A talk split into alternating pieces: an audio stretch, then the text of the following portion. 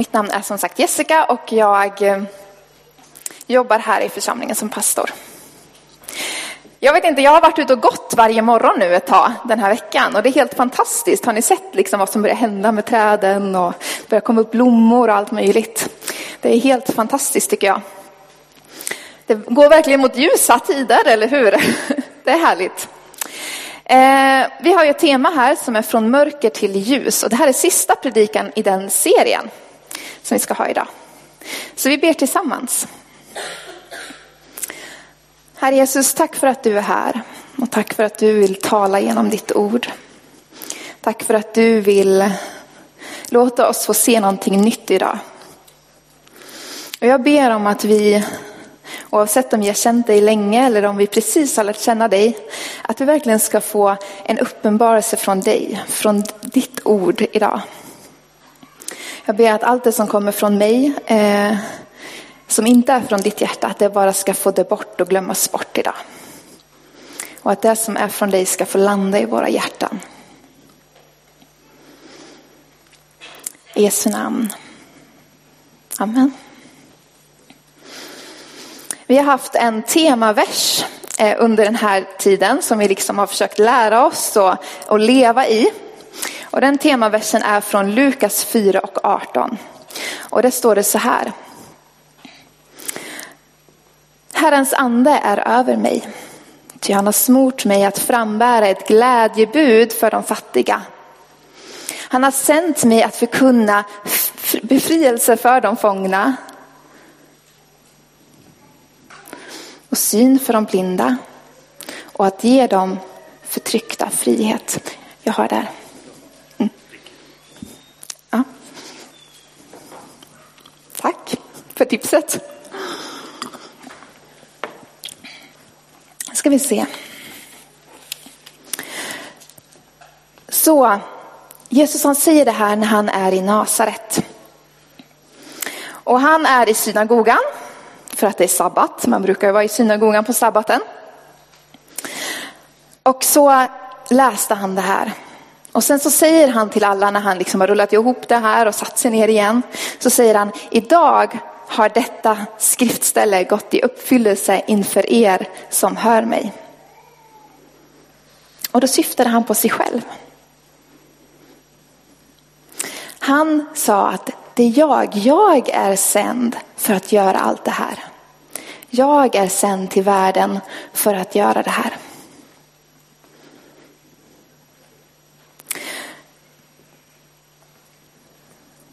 Så Jesus han har kommit till världen för att ge de förtryckta frihet. Och det är det jag ska stanna vid idag. Det är det vi ska prata om idag. För idag är rubriken upprättelse för de förtryckta. Precis som Gunilla sa så fint här förut.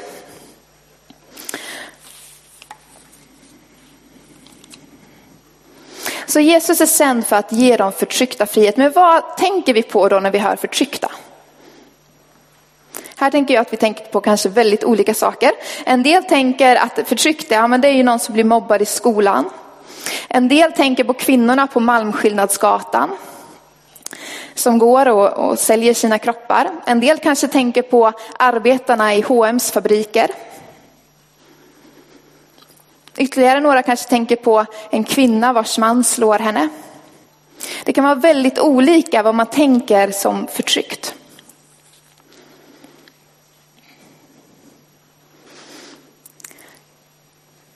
Och hur vi tänker på ordet förtryckt, det avgör ju lite vad vi uppfattar att Jesus säger här. Eller hur?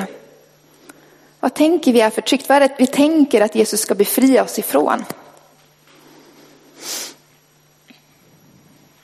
Det här ordet förtryckt, det finns inte någon annanstans i Nya Testamentet, men det finns i Gamla Testamentet.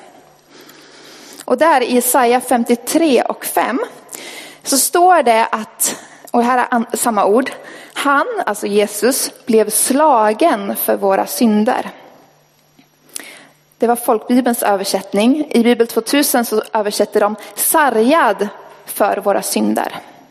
Alltså samma ord som översätts förtryckt betyder också slagen och sargad. Och många säger att det är grundbetydelsen för ordet Grundbetydelsen är slagen eller bruten i stycken eller bruten i bitar.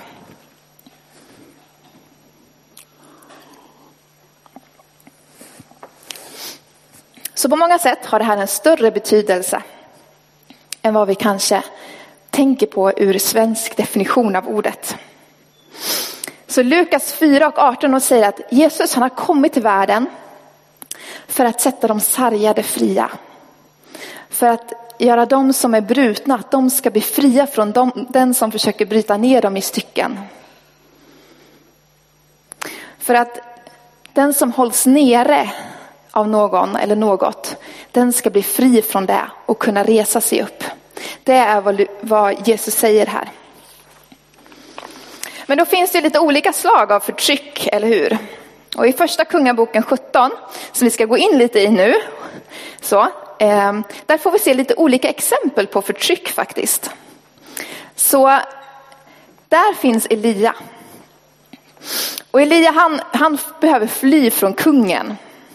För att Elia kommit med ett budskap om att det inte ska regna i landet förrän han själv säger att det ska regna.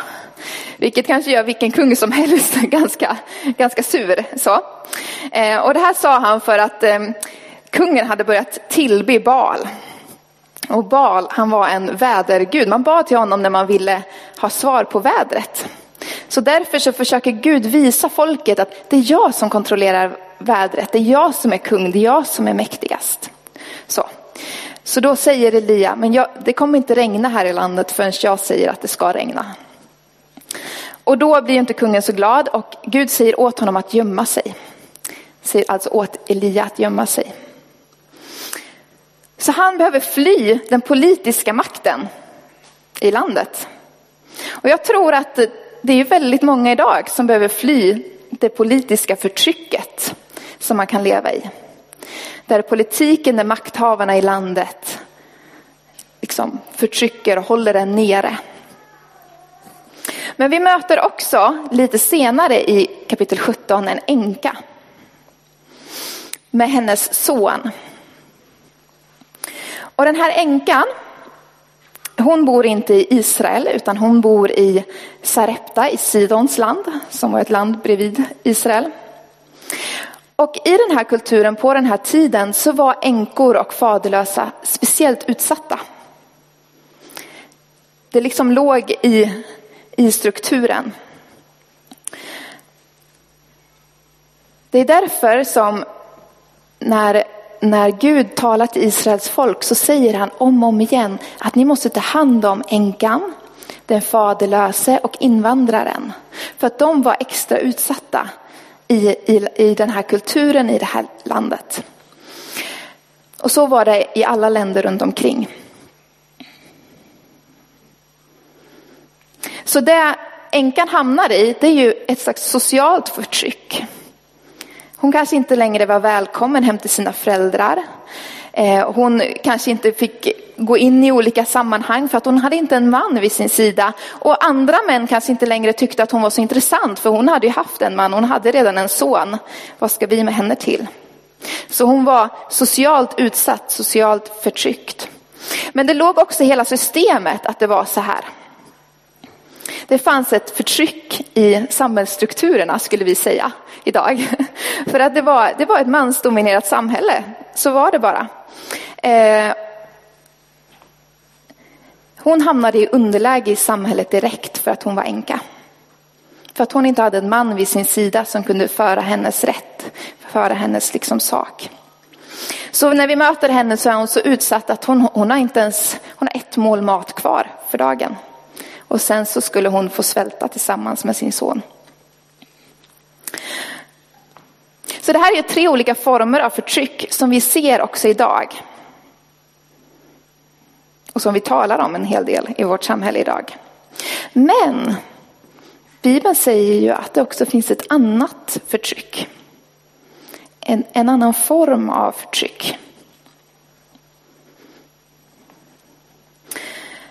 Bibeln talar om att när mänskligheten valde att vända Gud ryggen så sa man på ett sätt också ja till att synden fick förtrycka oss.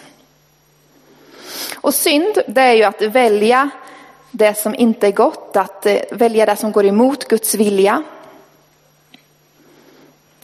Och på många sätt tror jag att synden är ju det som ligger bakom syndens förtryck, det synden liksom försöker få oss att göra.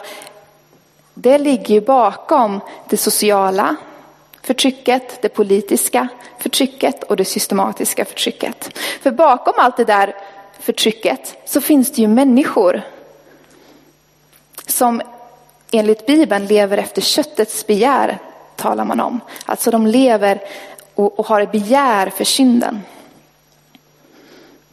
Och köttet är ju det i oss som, inte, som gör att vi inte vill följa Gud. Och i Galaterbrevet 5, 19-21 så beskrivs köttet så här. Vad köttet ger är lätt att se. Otukt, orenhet, liderlighet, avguderi, trolldom, fiendeskap, strider, ofördragsamhet, vrede, intriger, splittringar, kätterier, maktkamp, dryckenskap, utsvävningar och annat av samma slag. Än en gång varnar jag er, de som gör sig skyldiga till sådant skall inte få del i Guds rike. Så köttet begär det är i oss som begär, men det är ju det som liksom formar allt det här förtrycket runt oss. Det är högmod, det är girighet, det är likgiltighet, det är ilska och hat, njutningslystnad, maktlystnad. Det är ju det som på något sätt ligger bakom alla former av förtryck. Och köttets begär, det leder till synd. Så Bibeln den vittnar om att det är vår synd och vår bortvändhet från Gud, från Gud som är det stora problemet. Det är att vi sätter jaget i centrum, det är jag, som, det är jag och mitt och mig som ska vara i centrum och vad Gud vill, ja, men det spelar inte så jättestor roll. Och vad, vad, vad människor vill, ja, men det spelar inte heller så stor roll. Alltså, det är jaget som blir i centrum.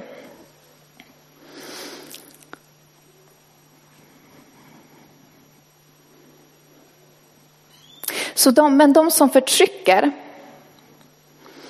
de är helt enkelt styrda av sina begär efter de här sakerna.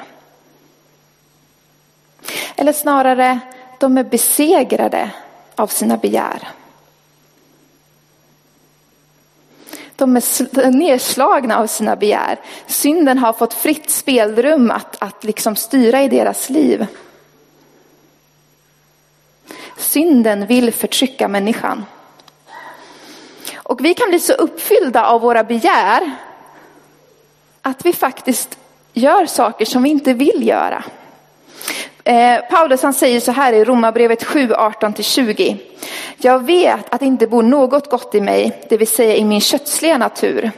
Viljan finns hos mig men inte förmågan att göra det som är gott. Det goda jag vill, det gör jag inte, men det onda jag inte vill, det gör jag. Men om jag gör det jag inte vill, då är det inte längre jag som handlar, utan synden som bor i mig. Ibland är det ganska skönt att veta att man har Paulus som också har kämpat med en del saker i sitt liv. Så synden bor i oss och den vill få oss att handla ont. Men det är också så att synd skapar ju också synd.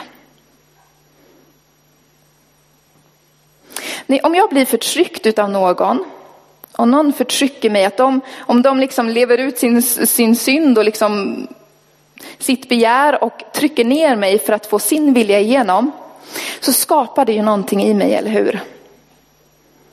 Det skapar bitterhet, missmod, ilska, avundsjuka och en massa saker som kommer upp.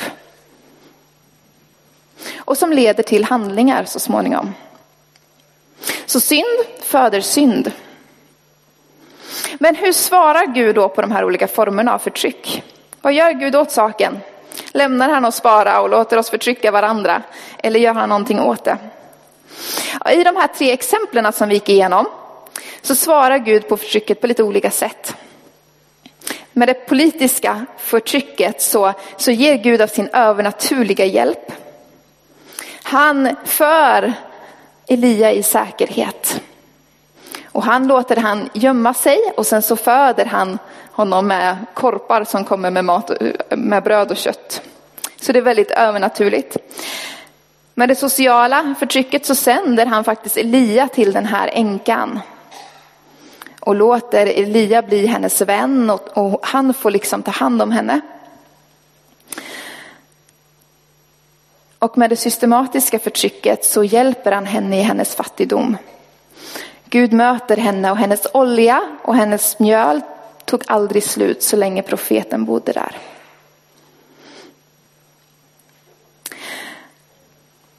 Och jag tror att ibland så är det så här Gud möter oss när vi blir förtryckta av olika saker. När vi blir slagna av livet, när vi ligger ner och liksom känner att vi kan, orkar inte ta oss upp. Då kan Gud ibland möta oss med sin övernaturliga hjälp, med sina mirakler, där han bara gör någonting som vi aldrig hade kunnat anat. Ibland så sänder han människor. Precis som Lovisa vittnade om här så kan det vara människor som, som får vara en del av, av, av ens helande.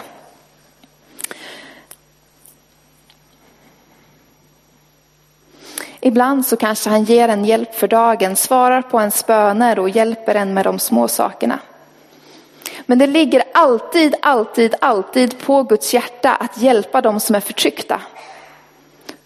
De som lever i förtryck, förtryck har han alltid ett hjärta för. Så det gör att när vi lever under förtryck av olika saker så får vi ropa till Gud och säga Gud jag behöver din hjälp. Jag behöver att du möter mig här. Men vad gör Gud åt det här stora problemet då? Syndens förtryck, för det är ju trots allt kanske synden som ändå ligger bakom det där politiska och systematiska och sociala förtrycket.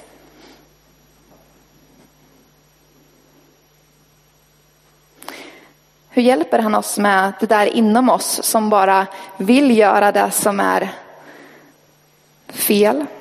Fast vi, ja, vi gör det som är fel fast vi vill någonting annat. Vad gör Gud åt de, de sakerna i oss?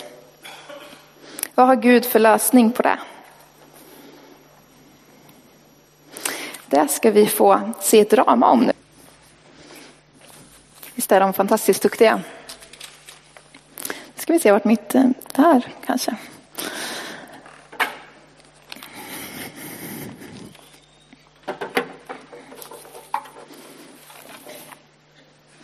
Det är det här som var Guds plan. Guds stora räddningsplan för människan. Att han sände Jesus för att dö på ett kors. Så att vi inte längre skulle behöva vara slavar under synden. Vi skulle inte längre behöva ha det här som ansätter oss. För om vi såg på det här dramat så hon försökte ta sig till Gud men hon klarade inte av det själv. Och den bild på mänskligheten, hur vi ofta försöker liksom ta oss ifrån det här mörka som vi lever i. Men, men det går inte själva. Om inte någon annan gör det åt oss. Om inte någon annan kommer in och tar vår plats och leder oss ut i frihet.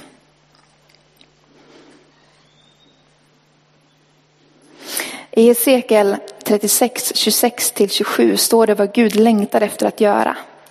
Det står så här. Jag ska ge er ett nytt hjärta och fylla er med en ny ande. Jag ska ta bort stenhjärtat ur kroppen på er och ge er ett hjärta av kött. Min, e-, med min egen ande ska jag fylla er. Jag ska se till att ni följer mina bud och håller er till mina stadgar och lever efter dem. Så för dem som lever under syndens förtryck så säger han kom till mig. Kom till mig, jag vill ge er ett nytt hjärta. Jag vill ta bort stenhjärtat och jag vill ge er ett nytt hjärta. Det är det som Jesus erbjuder till alla.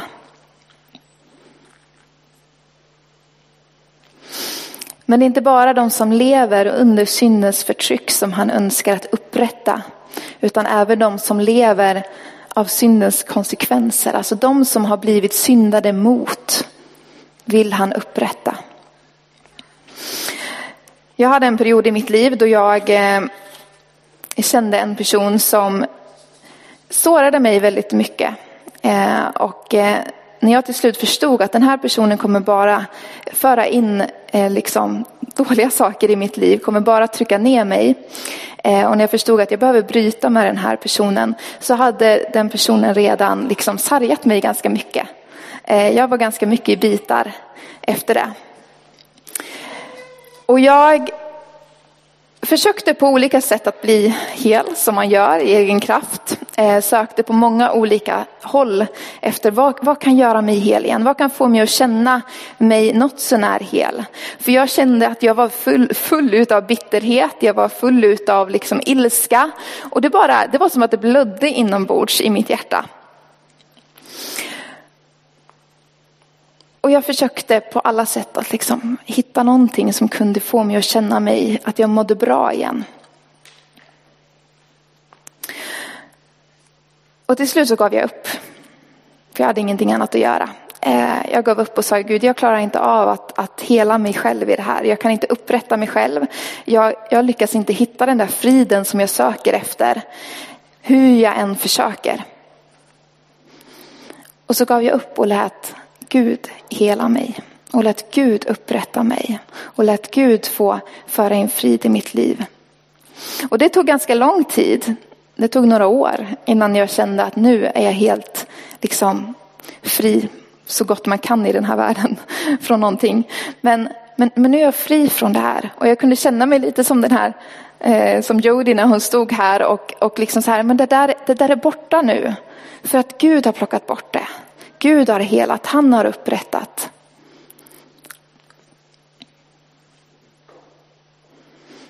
Det, det ligger alltid på Guds hjärta att upprätta de som är förtryckta.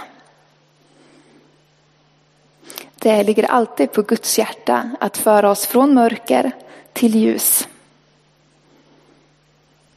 Och jag fick verkligen uppleva det i mitt liv och jag tror att Gud vill göra det i alla människors liv.